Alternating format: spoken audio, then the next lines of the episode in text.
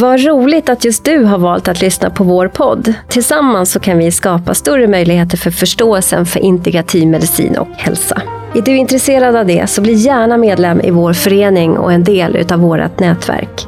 Mer information om det här kommer i slutet av avsnittet.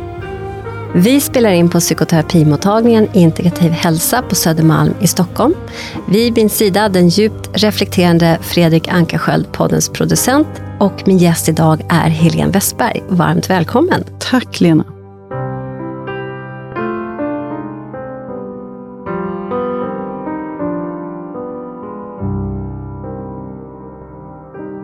Helene, du och jag har lite lika bakgrunder. Du är bortsett från legitimerad psykoterapeut. Vi gick också dessutom i samma klass på Sankt Lukas. En av de bästa klasserna jag har gått i. Så är du också legitimerad sjuksköterska. Ja. Du arbetar då med terapi såklart och du jobbar med själavård, handledning och du föreläser. Mm. Utöver det så har du också skrivit en bok som heter Fräls oss från ondo. Tillsammans med Fredrik Lignell. Just det. Ja. Och innan vi kommer in på börjar vårt samtal så vill jag säga så här att integrativ medicin och hälsa står på fem ben, eller vi har definierat det som fem ben. Ett ben är traditionell, att vi utgår, det här är en yrkesförening, det utgår från traditionell hälso och sjukvård. Det har ett fokus på, ett, på kost, på fysisk aktivitet och vi har ett integrativt synsätt på psykosoma. Och det femte benet är ex, det existentiella perspektivet. Och hittills har vi haft Jan Aronsson, legitimerad psykoterapeut, också en av våra lärare. Just det, precis.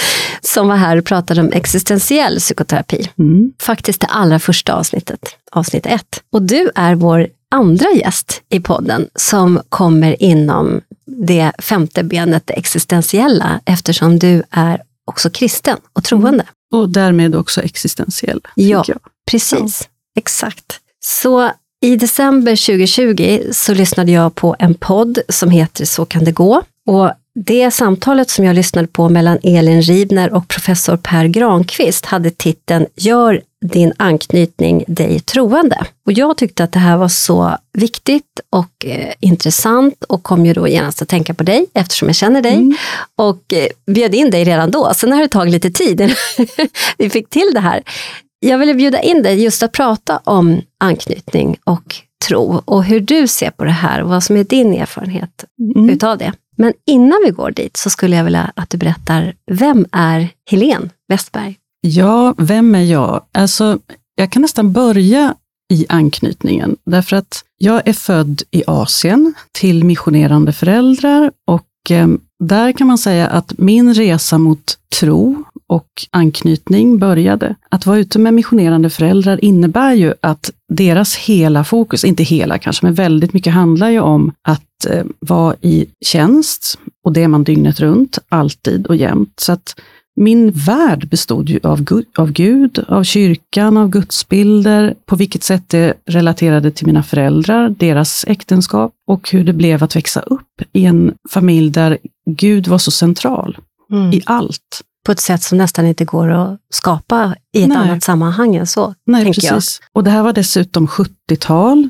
och då var det fortfarande väldigt mycket ett kall. Idag ser ju faktiskt missionstjänst och överhuvudtaget tjänst i kyrkor ut på ett annat sätt. Mm. Där man har mycket mer uppdelning mellan privatliv, familjeliv och det missionella livet.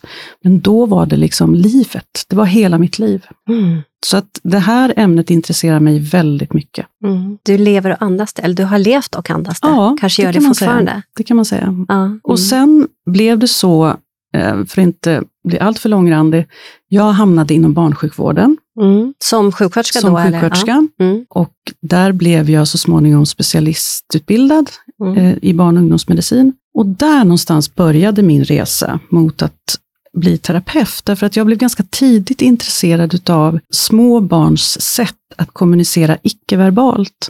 För att förstå ett litet barn och förstå vad de vill och förstå vad de signalerar så behöver man lära sig läsa mellan raderna. Man behöver förstå allt det som finns bortom språket.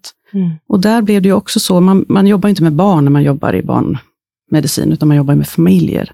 Och där blev det också så väldigt tydligt vad anknytningens betydelse, hur barn faktiskt fysiskt uttrycker när någonting inte fungerar samspelsmässigt i en Mm. familj. Just det. Och det där tyckte jag var jättespännande. Alltså, om man är på BVC till exempel så kan man se småbarn som inte går upp i vikt på grund av depressioner. Du kan ha en mamma som är frånvarande som, som inte kan spegla sitt barn. Alltså det, det är väldigt, väldigt mycket som händer väldigt tidigt i våra liv, som sen är helt avgörande för resten av vårt liv. Mm. Så där någonstans tänkte jag att nej, men nu vill jag veta mer om hur det här fungerar. Och då gick jag vidare och blev ju familjeterapeut, precis som du. Just det. Mm. Mm. Gud vad, vad viktigt. För att idag så är det ju ändå så att det är ganska så här att vi eh, ser ur ett diagnostiskt perspektiv på Ja. barn Mm. med problem. Och det vet vi att det finns det ju också, men att det är ju, alltså egentligen så här, oavsett så Mm. blir det, eh, kan det uppstå problem eller knutar i familjesystemet oavsett barnets utgångsläge eller inte, om man säger så. Det, kan, det beror på, liksom, det kan vara, jag har Mm. så här, du och jag har ju hört det här och sett filmen tillsammans på utbildningen med Gregory Batesons dotter, Catherine Bateson, som hon sa så här att, jag tror att det var ungefär så här, att hon hade tittat på massa klipp av en familj. Hon är ju också, hon var, för hon har avlidit för inte så länge sedan, men eh, hon, eh, hon, hon eh, sa så här, hon satt och tittade på massa klipp för att förstå någonting kring en familj. Och så sa hon så här, ah, usch det är det där barnets fel som orsakar alla problem i den här familjen. Och så, så tittade hon flera, jag tror att det kanske var i någon forskningssyfte, eller om det var en problematisk familj de försökte förstå. Så tittade hon på massa klipp till och så sa så här, nej det är mammans fel. Det är mammans fel, att all, hel, alla problem är mammans fel. Och så tittade hon flera gånger till och så så, så nej det är pappa. Och så fortsatte det till hon till slut kom fram till vad det var. Och sa så här, now I know, it's the psychotherapist. Just det, precis. Men det runs in the system. Och det, det, det vet ju vi i väldigt hög utsträckning, att oavsett så behövs det titta på system. ja, och i, för en troende människa, och, och det är där vi kommer in lite grann på dagens avsnitt, att för en troende människa så ingår Gud i systemet. Och jag lyssnade ju på det här poddavsnittet som du skickade till mig, för att jag också skulle bli lite inspirerad inför det här avsnittet. Och jag kan hålla med om väldigt mycket, och väldigt mycket är ju spännande, men jag tycker att de missar en viktig poäng i den här forskningen, och det är just detta att för en troende människa så är Gud inte ett objekt som en nalle eller liksom någonting som är externaliserat hos en människa, som man förhåller sig till, utan Gud är en reell person eller en, en, en reell, ett reellt objekt som man behöver förhålla sig till och som finns i systemet. Så att jag skulle säga att em, den här rubriken om din anknytning gör dig troende, den, den blir för mig ganska irrelevant, därför att en troende människa har en anknytning med sig som hon sen har i sin gudsrelation, som ger henne inre gudsrepresentationer som påverkar hennes anknytning, som påverkar hennes relationer till, till andra människor. Precis som egentligen mamma, pappa, Ja, partner, alltså de här Ja. anknytningserfarenheterna som vi gör, så blir det här en, en erfarenhet av en anknytning till Precis. gudsbilden. ja. Ja. och det påverkar sen hur, ja men hela, hela vår livstolkning. Och det är därför det är så viktigt, för jag sitter ju med väldigt mycket klienter eh, vars verklighet är att de har en reell Gud i sitt liv. Och då spelar det ju enormt stor roll vilken anknytning de har som antingen eh, att de projicerar ut på sin gudsbild, alltså dysfunktionella anknytningsbilder utav sina föräldrar, eller att de idealiserar. Och allt det här spelar väldigt stor roll i sin livstolkning. Och när, när jag ska undervisa studenter eller andra i själavård och så, då, tycker jag, då brukar jag visa den här filmen Chocolat. Och det kanske bara är vi gamla människor som har sett den. Den är ju supergammal vid det här laget. Men, Men den, väldigt bra. Ja, den är så bra. Därför att jag tycker att Lasse Hallström, han har verkligen pointat alla de här karikatyrerna utav inre gudsbilder som påverkar hur vi relaterar till varandra. Den här stränga prästen eh, som i, i sin askes har ett kompensatoriskt guds, eh, en gudsbild som gör att han eh, måste vara lyda allt, han måste följa alla, alla regler och så fixar han inte det utan han vaknar ju på påskdagen i, en, ett skyltfönster med choklad. Han har syndat. Hela han är dränkt i synd. Och att, poängen är att en, en befrielse i det där. Sen har vi själva huvudpersonen som jag inte längre kommer ihåg vad hon heter. Kommer du ihåg det? Nej. Nej men hon är liksom otroligt god. Eh, och då kan man tänka sig att hon har ett kompensatoriskt beteende där hon har en internaliserad gudsbild som handlar om att inte vara tillräcklig. Och så här kan vi hålla på. Mm. Det finns någon mm. mamma där som är väldigt sträng och som mm. försöker att kompensera. Så mm. det, det, här är liksom på riktigt mm. i människors liv. Mm. Jag fattar. Och jag tänker att Per Granqvist, han berättar eller det han kallar sig själv, han kallar sig för agnostiker. Mm. Jag, när du berättar det här så tänker jag att det har ju betydelse. All forskning, alltså vi kan ju inte, apropå system, det är säkert andra som anser annorlunda, men jag tänker att du och jag samsas om att det är klart att han har också betydelse för studien och Absolut. vad som kommer fram. För då blir ju det här att han har inte behov av att på något sätt visa att det finns en verklig gud och, eh, och vara i motsatsen. Som mm. han säger att, ja, men att eh, på något sätt visa Gud eller visa att Gud inte finns, utan det är inte viktigt för honom på något sätt. Och det har ju sina poäng och det kan vara jättebra för en viss liksom, forskningsfråga. Men, men det här är ju mer erfarenhet att leva med. Ja, och, och, om vi nu ska göra teologerna lite glada också i, i det här avsnittet, så, så tänker jag att man behöver också problematisera en sån här forskning, därför att det blir väldigt snävt att titta på gudsbilden utifrån en, ett anknytningsperspektiv bara, för det, det är en ganska smal ram.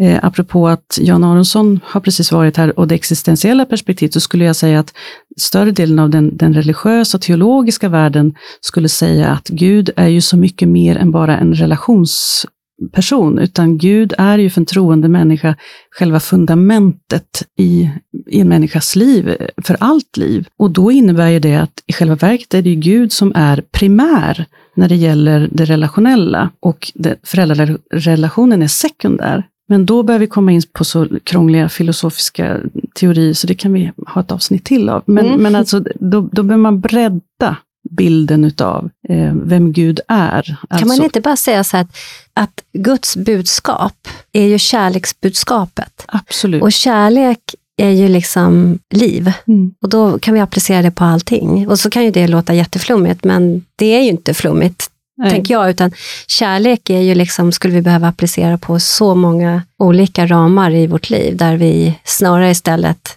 ja, men använder oss kanske av mind. Visst, och och samtidigt så tänker jag att när vi pratar om anknytning så är ju även en, eller det skulle kunna vara, även en dysfunktionell eller en, en otrygg anknytning innehåller ju också kärlek. Men att man har en oförmåga, att det är någonting som står i vägen. Och så kan det ju vara även för en människa i relation till Gud. Eh, och, och, där bråkar ju vi en del i terapierna med att både frånvaron av Gud i en människas liv, alltså att man känner att jag har tappat bort Gud, och vad vill Gud med mig? Men också kanske en alltför infantil gudsbild som hindrar människors växt och utveckling. Vad skulle det kunna vara som ett exempel? Ja, det kan ju handla om och det här är väl kanske då min tolkning, men det handlar om att man har en väldigt konkret Gud eh, som man har närmast en affärsöverenskommelse med. Eh, lite grann som det fanns en bok, Barn skriver till Gud, där något barn skrev så här, eh, Gud, jag höll min del av avtalet, var är den röda cykeln? Alltså li, lite grann så kan människor, även vuxna människor resonera, mm. fast...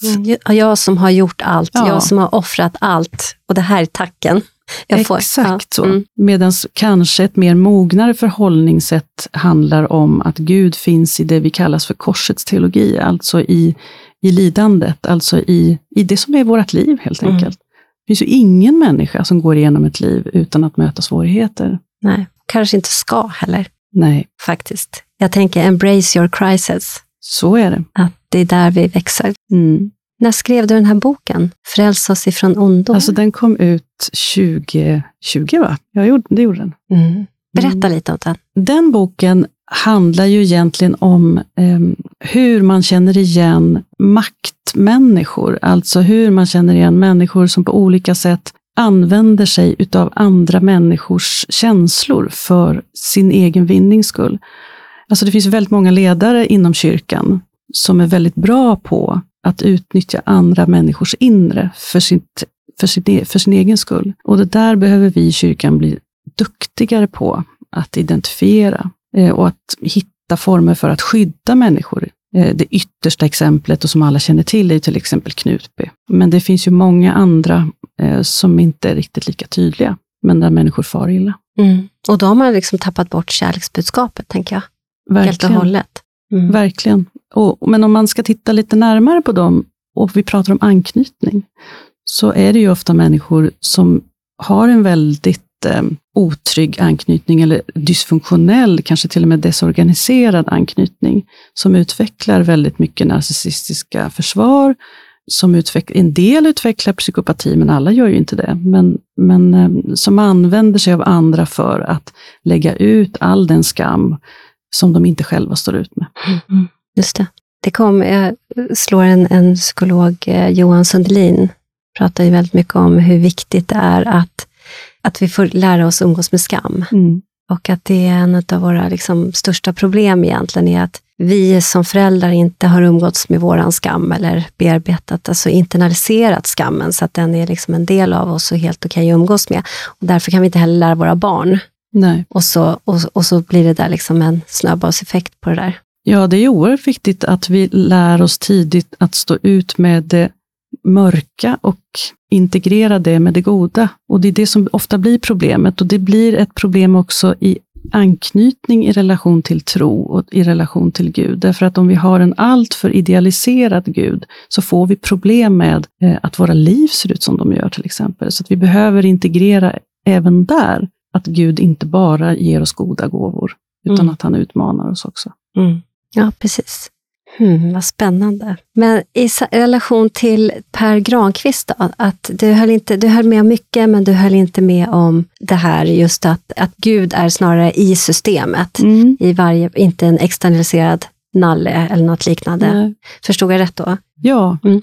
När du jobbar i din praktik, för du jobbar ju också med själavård, mm. blir det så att, att människor, nu vet ju jag att det inte bara är människor, kristna människor som söker sig till dig, Nej. men de, jag tänker att de, de kristna människorna kommer också till dig. Mm. Hur, vad ser du relativt anknytning och tro i behandling av människor? Hur kan det gå till? Hur kan det se ut? Alltså, jag skulle säga att egentligen så är um, skillnaden mellan en människa som uttryckligen har en tro och en människa som ännu inte identifierat den i sitt liv, den är inte så stor egentligen när man tänker att man ska jobba med en anknytningsterapi. För det, det handlar egentligen mer om att hitta de inre objekten och, och, hur man relaterar till det och på vilket sätt det spelar in i människors liv. Utan för mig handlar det, eller rättare sagt för de som kommer till mig, de säger att det är en sån trygghet att komma till dig Därför att jag vet att du är troende och det gör att jag inte hela tiden måste försvara mig. Ehm, och jag behöver inte försvara varken Gud eller mig själv, utan jag kan bara få vara i att det här är en del av min värld och den behöver inte ifrågasättas. Och det tror jag är den stora skillnaden egentligen. Att man känner sig trygg med att här blir inte min gudsbild, eller jo, gudsbilden kan bli ifrågasatt, men inte min tro. Mm. Det är faktiskt min erfarenhet också av människor att, eh, som kommer, patienter som kommer, att oavsett om man är ateist eller om man är kristen, muslim, hinduism, eh, buddhist, alltså vad man nu är för någonting, att det, man kan ha upplevt det som svårt. Det, det inte, känns inte enkelt i Sverige, därför att vi är så sekulariserade här i Sverige. Så att det känns så här som att, oh, gud, de kommer tro att jag är galen mm. om jag tar upp det här. Men att, så jag brukar alltid liksom föra in, ta ansvaret att föra in det på det. Och att varje människa får komma fram i rummet så som den personen är och verkligen trygga det. Att det, det, det är här, här hela du, välkommen. Mm. Det kommer inte innebära att du på något sätt blir felgjord, vad du än tror på. Så, så att det är ju otroligt viktigt. Mm. Jo, men det är det. Man kan inte vara i sitt inre om man inte är trygg. Nej. Så enkelt är det. Sen kan man tycka att det inte borde vara så, men så är det med mm. oss. Och då har jag ju efter det här poddavsnittet och inför det här tänkt ju jättemycket kring det här med att, ja men Gud, och du beskriver det, det är i, fam, liksom, i, i systemet, kärleksbudskap, det är allting, det är liv. Att också ha en identifierad relation till kärlek. För det är där jag landar, om man har en identifierad relation till kärlek, det gör ju liksom livet bättre. Att, eller bättre, det var fel kanske att säga, men lättare att eh, förhålla sig till om man på något sätt, eller jag ska säga så här, en tilltro till kärlek. Mm. Att jag kanske inte alltid upplever kärlek från alla människor, men jag har en tilltro till min egen kärlek, till en kärlekskraft. Mm. Att jag kan liksom vända mig till det och på något sätt säga, ja men this too shall pass, för att det mm. finns och kommer. Mm. Om inte nu, så småningom jag står kvar här. Då tänker jag att när man, om man är där, då har man gjort en ganska trygg anknytningserfarenhet med sig själv. För det är egentligen det som hela anknytningssystemet är till för, är att vi ska kunna på sikt reglera oss själva från mm. stress. Och då, och då har man liksom inte bara människor, för människor kan ju, vet vi ju, kan ju liksom fallera av mm. en mängd olika orsaker liksom för barnet och för vuxna också. Men att har man det, då har man ju en anknytning som alltid står fast. Mm. Tror du att det, är, att det är det som de har sett egentligen i deras forskning? För, för de kom väl ändå fram till att troende människor är lite tryggare? Eller vad kom man fram till egentligen? Nej, alltså jag, jag, jag, tänkte på det, för jag läste igenom. Jag tror faktiskt inte att man kom fram till att troende människor är tryggare, men däremot att det finns alla möjliga former av anknytningar i ett troende sammanhang däremot. Det man höll kom fram till, en av poängerna var ju att ju mer desorganiserad anknytning man har, desto mer sökte man sig till mer eh, new age-sammanhang till exempel. Och det kan man ju fundera på. Eh, jag har faktiskt funderat lite på vad det är som gör i så fall att en desorganiserad anknytning söker sig till mer rörelse med starkare uttryck, så skulle man kunna kalla det för. Och det här är ju, jag har ju inte forskat något, men, men alltså min egen hypotes i det är att har man det, då sök, om man har ett, en väldigt liksom kaosaktig anknytning, så söker man sig till det som är tydligt i den, i den yttre objektrelationerna.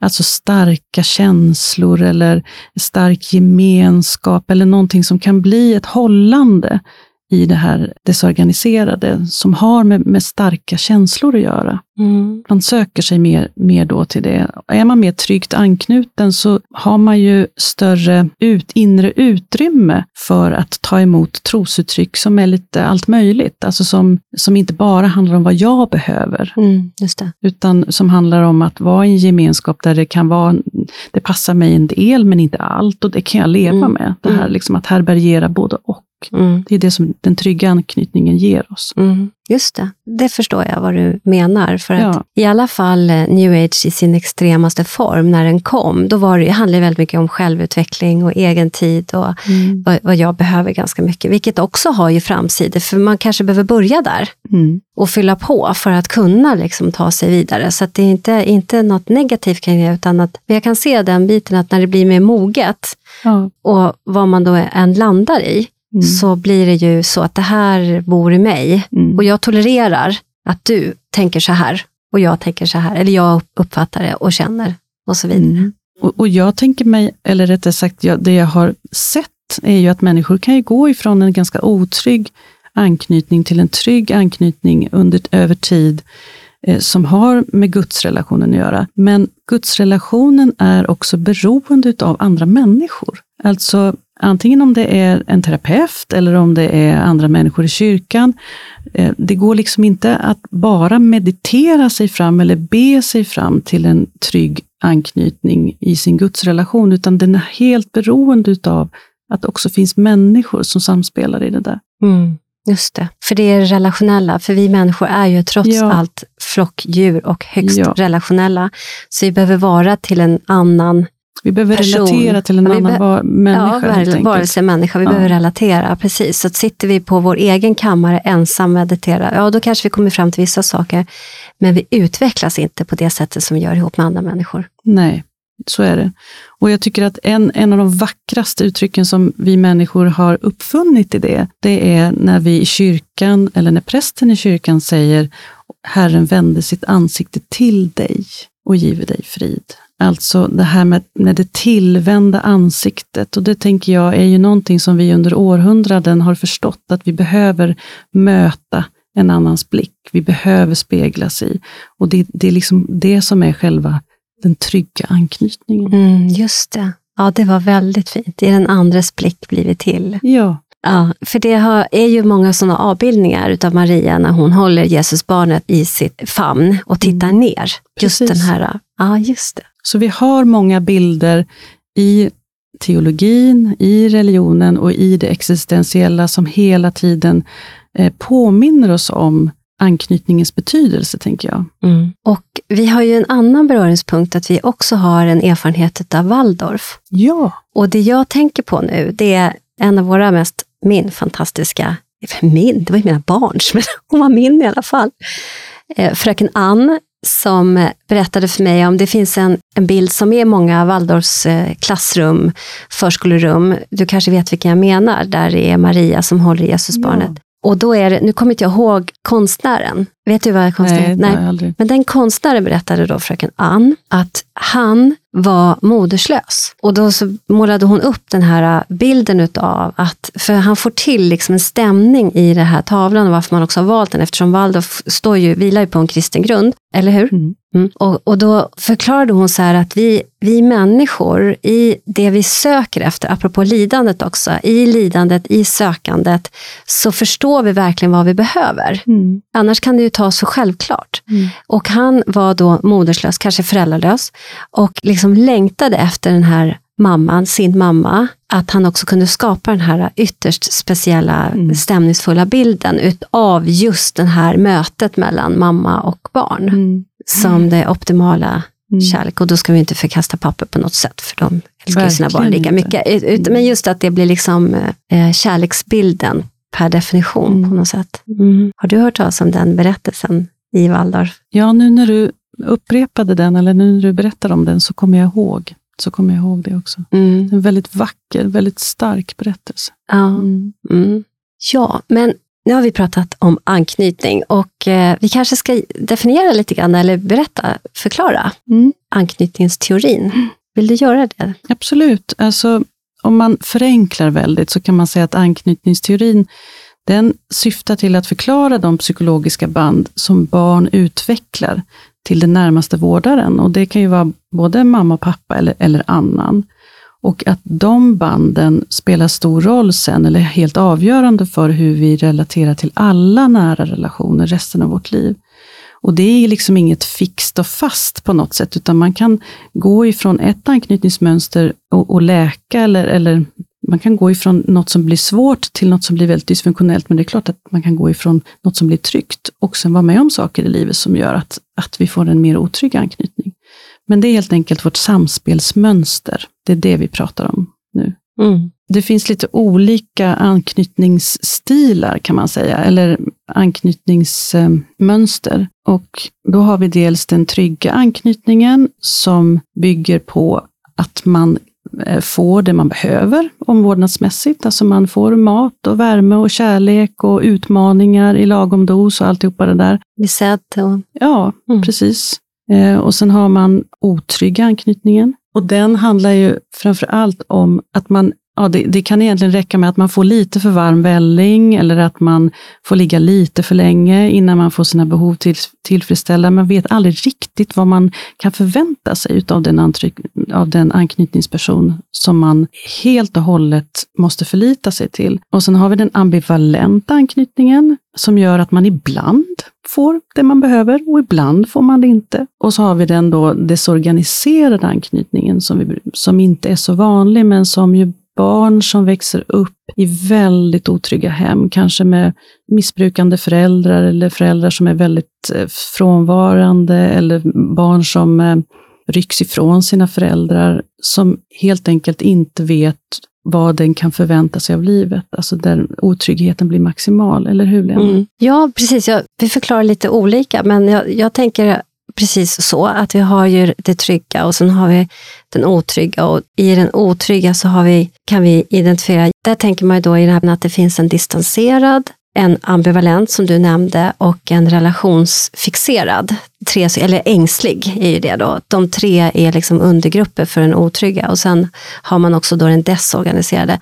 Och en desorganiserad är som, den, som ordet säger, att man inte har kunnat organisera sig mm. för att vårdnadshavaren, den som sköter om barnet, har ibland varit skrämmande och ibland trygg. Mm. Och då vet man inte vad jag någonsin har. Det kanske var precis det du sa, men, men att på det väldigt sättet, förenklat. så, väldigt mm. förenklat, så är, är det så. Och ambivalensen är egentligen liksom någonstans, man går emellan att vara ängslig och vara distanserad. Mm.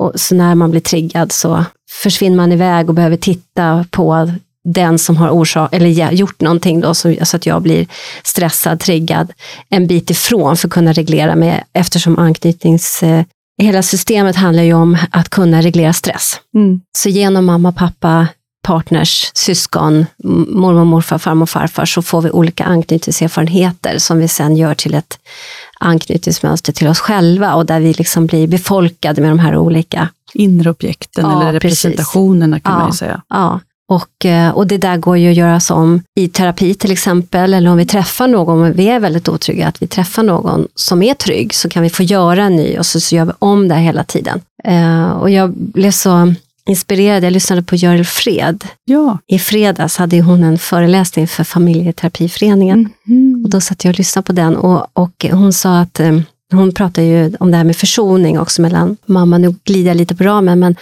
apropå det här med anknytning då, att eh, om föräldrar, föräldrarna ska ha både makt och ansvar. Men om inte föräldrar tar ansvar, och då tar barnet ansvar. Och då ett barn som behöver ta ansvar utan makt hamnar i vanmakt. Mm. Och enda sättet att komma åt vanmakten, som då kan ju bli olika psykopatologiska tillstånd, det är att befolka sig med andra goda objekt. Och det tänker jag också är ett annat sätt, nu använder inte hon de orden, men ett annat sätt att göra flera anknytningsberättelser. Visst. Så att man liksom kan uppväga, det tar inte bort det där vi har varit med om, men det gör att vi får lite andra verktyg. Mm. Mm. Och där skulle man kunna tänka att för ett barn, för även barn har ju naturligtvis en gudsrelation. Mm. Eh, att där kan ju ett, barnet använda sig av gudsrepresentationen för att göra en ny anknytningsberättelse. Mm. Och det kan jag ju höra många som kommer till mig som vuxna eller unga vuxna som beskriver hur en otrygg barndom ändå har, hur ska jag säga då, befolkats av en trygg gud som ändå har funnits där. Inte mm. kanske, då kanske Per Granqvist skulle säga att eh, det är istället för snuttefilten. Men i, i min och i många troendes verklighet så är det inte det, utan det, det är ett annat objekt helt enkelt. Som de här barnen ändå har överlevt väldigt mycket mm. Jag måste verkligen hålla med dig där, för jag tänker att vi människor med våra stora komplexa hjärnor, alltså i terapi till exempel och i visuella psykoterapiformer, så, så skapar vi ju olika le lekutrymmen där vi får möta våra olika personer vi har varit liksom, antingen varit utsatta för eller som är trygga och så vidare och kan utveckla relationen där. Det kan vi se i terapeutiskt arbete, men det här pågår ju hela tiden. Mm. Och jag tänker som eh, min pappa dog innan mina barn föddes, men de har en, en helt egen relation till honom skulle jag säga, genom mig. Mm. Men han finns ju i dem. Så jag tänker att precis så blir det ju med Gud också då. Att, att får vi möjligheten till den här relationen Mm. så är det klart att det blir ett eget objekt. Därför att, och det hör till att vi har våra stora komplexa hjärnor. Vi kan göra, vi kan, vi, vi kan liksom, vi lever mycket i Mm. Vårt mind också. Mm. På gott och ont. Mm. Men det här är ju också ett sätt att komma att, på, som är gott. Men där vi också får kanske möjlighet i den här, en trygg anknytning då med Gud, också koppla på våra känslor, Mm. våra emotioner som vi kanske inte i en skrämmande relation får göra. Precis så. För där håller vi undan istället. Precis så. Och det är ofta de erfarenheterna som istället då har den här gudsbilden, den god, alltså det blir ju någon slags kompensatorisk gudsbild naturligtvis, men där de kompenserar med den föräldrarepresentation som saknas helt enkelt. Det, Mm. Den får Gud stå för. Mm. Och där brukar vi prata om, våra, om, när vi pratar om våra inre gudsrepresentationer, så är det ju dels då våra minnen av våra verkliga föräldrar och sen även bilderna av de idealiserade föräldrarna, som vi ju alla har. Utöver det så har vi ju även resterna utav det inre barnets grandiosa självbilder. Alltså du vet de, här grandiosa bilderna vi har upp till tre års ålder av att man är omnipotent och jag kan allt och allt Mm. det där finns också med. Och sen tycker jag ändå det är viktigt att prata om att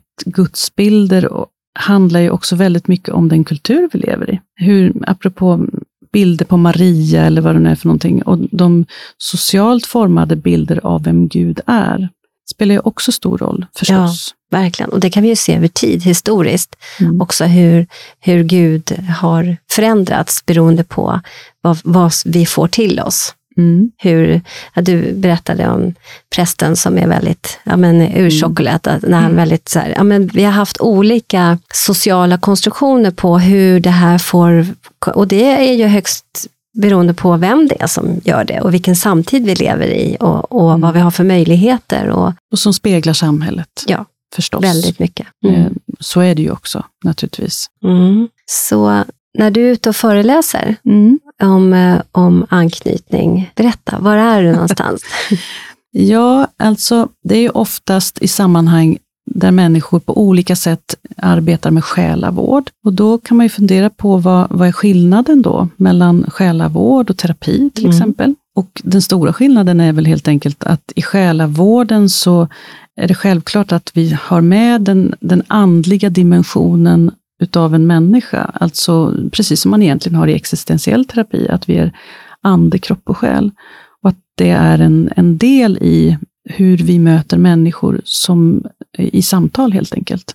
Alltså att vår idé är ju att människor måste ges möjlighet att arbeta med sina inre gudsbilder. Eh, både för att kunna bejaka, men också förkasta. Att vi behöver, liksom, precis som i alla andra relationer, både kunna pröva och lämna eller komma tillbaka. Vår tes är ju att det är väldigt viktigt i själavård. Mm. Och jag tänker ju, eftersom jag ju träffar väldigt många som inte har en tro som kommer till mig, de vet, då vet de ju i regel om att jag har det. det. Det står på hemsidan och det är ju ofta de som har rekommenderat mig, vet ju of- oftast om det och sådär. Så det är ganska roligt för väldigt ofta så kommer det ju ändå in den här typen av existentiella frågor, Mm. även om man inte kanske är kristen eller bekänner sig till någon kyrka eller så så rör man sig ju med de här frågorna. Och jag kan ju märka till exempel att människor visst har väldigt mycket tankar och funderingar kring det här med Gud. Det är ganska vanligt till exempel att man säger sånt där som att det är så typiskt att det här skulle hända just mig och vad har jag gjort för ont för att behöva drabbas så hårt? Eller jag kan inte se att jag varit mer ond än någon annan. Eh, varför skulle just jag straffas? Så det där handlar ju om att man har någon idé om en yttre kraft som på något sätt skulle straffa eller att man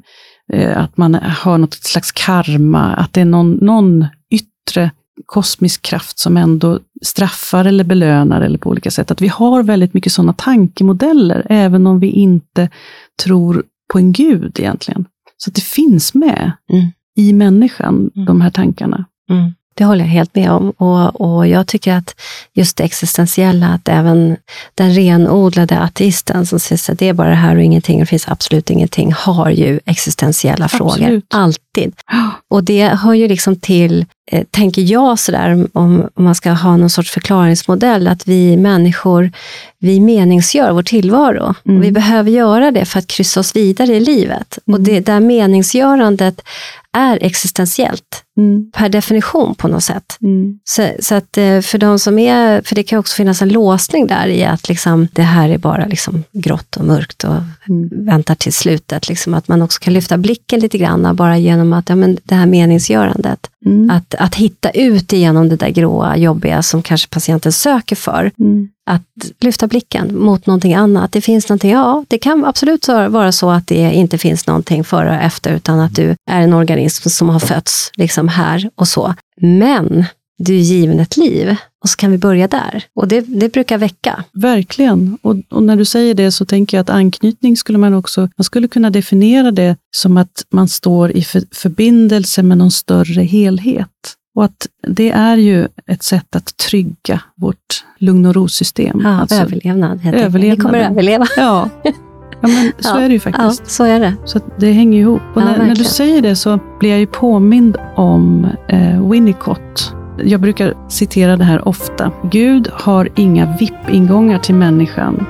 Han måste ta vägen genom samma psykiska struktur som gör alla andra objekt till en inre verklighet. Ja. Det tycker jag är spot on faktiskt. ja, det är spot on. Och där kan vi liksom mötas. Mm. Helene, stort tack för att du ville komma och gästa våran podd. Tack så mycket för att jag fick komma hit. Det var jätteroligt att få komma och dela de här tankarna.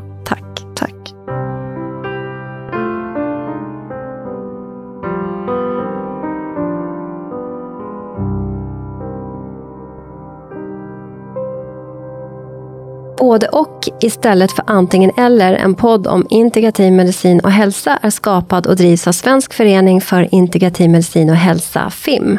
FIM är ursprungligen en yrkesförening för legitimerad vårdpersonal. Vi representerar sjuksköterskor, dietister, fysioterapeuter, läkare, psykoterapeuter, psykologer, tandläkare för att nämna några. Idag omfattas våra medlemmar även av associerade medlemmar som inte behöver vara legitimerade. Föreningens arbete vilar mot den vetenskapliga grund för integrativ medicin och hälsa som finns, såväl svensk som internationell och på systemisk förståelse av människan i sin miljö. Vår förenings arbetssätt har hittills varit att arrangera konferenser, seminarier och folkbilda genom att sprida information, exempelvis via sociala medier. Vår strävan inom integrativ medicin är att vara en organisation som vågar lyfta och ifrågasätta, motverka polariseringar genom tvärvetenskapliga dialoger och sokratiska samtalsregler. Vi vill kartlägga forskning som bedrivs, även internationellt, och hålla koll på aktuella forskningsresultat om behandlingsmetoder, både vad det gäller den etablerade vården liksom den vård som bedrivs utanför den etablerade vården. Sokratiska samtalsregler innefattas i den sokratiska samtalsformen som egentligen all grundläggande kunskap är sprungen ur, men som ibland till och med lyser med sin frånvaro i dagens public service. Så bli gärna medlem hos oss, för tillsammans kan vi förändra. Och hur du blir medlem hittar du via vår hemsida integrativ-medicin.se. Vi ses och hörs i nästa avsnitt.